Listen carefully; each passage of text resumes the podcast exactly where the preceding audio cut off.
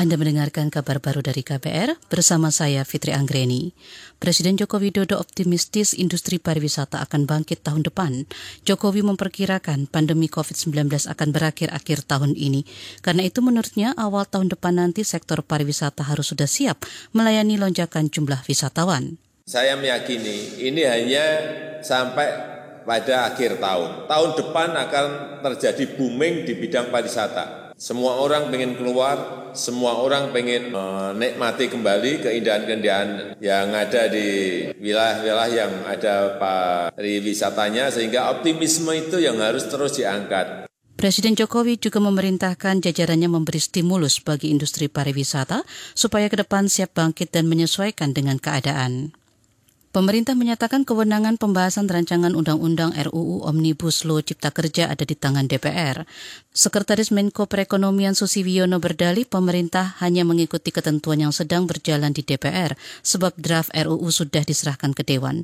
Sebelumnya sejumlah kalangan mendesak pemerintah dan DPR menunda pembahasan RUU Omnibus Law Cipta Kerja. Mereka menilai pembahasan RUU itu kontraproduktif dengan konsentrasi semua pihak saat ini yang sedang menangani bencana nasional COVID-19.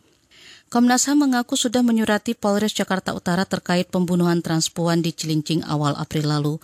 Komisioner Komnas HAM BK Ulung Apsara mengatakan surat dikirimkan dua hari lalu tapi Kapolres Jakarta Utara belum responnya. Kami meminta klarifikasi terkait proses penegakan hukum yang sudah dijalankan oleh Polres Jakarta Utara. Kemudian meminta keterangan terkait rencana ke depan seperti apa. Tentunya kita kan juga proses di kepolisian kan satu hal hal. Nanti kan ada persidangan dan lain sebagainya kita bisa melihat bersama begitu. Tapi kami memastikan juga bahwa tidak ada diskriminasi ke proses hukum kepada siapa pun. Begitu. Komisioner Komnas HAM BK Ulung Hapsara mengecam pembunuhan sadis terhadap seorang transpuan. BK mengatakan kelompok minoritas seperti LGBT sangat rentan mengalami persekusi, kriminalitas karena stigma negatif yang melekat.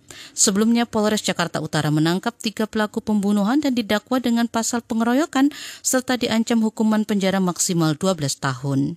Organisasi Kesehatan Dunia WHO menyesalkan keputusan Presiden Amerika Serikat Donald Trump yang membekukan anggaran tahunan untuk organisasi itu. Pembekuan dilakukan lantaran Trump kecewa dengan kinerja WHO menangani COVID-19.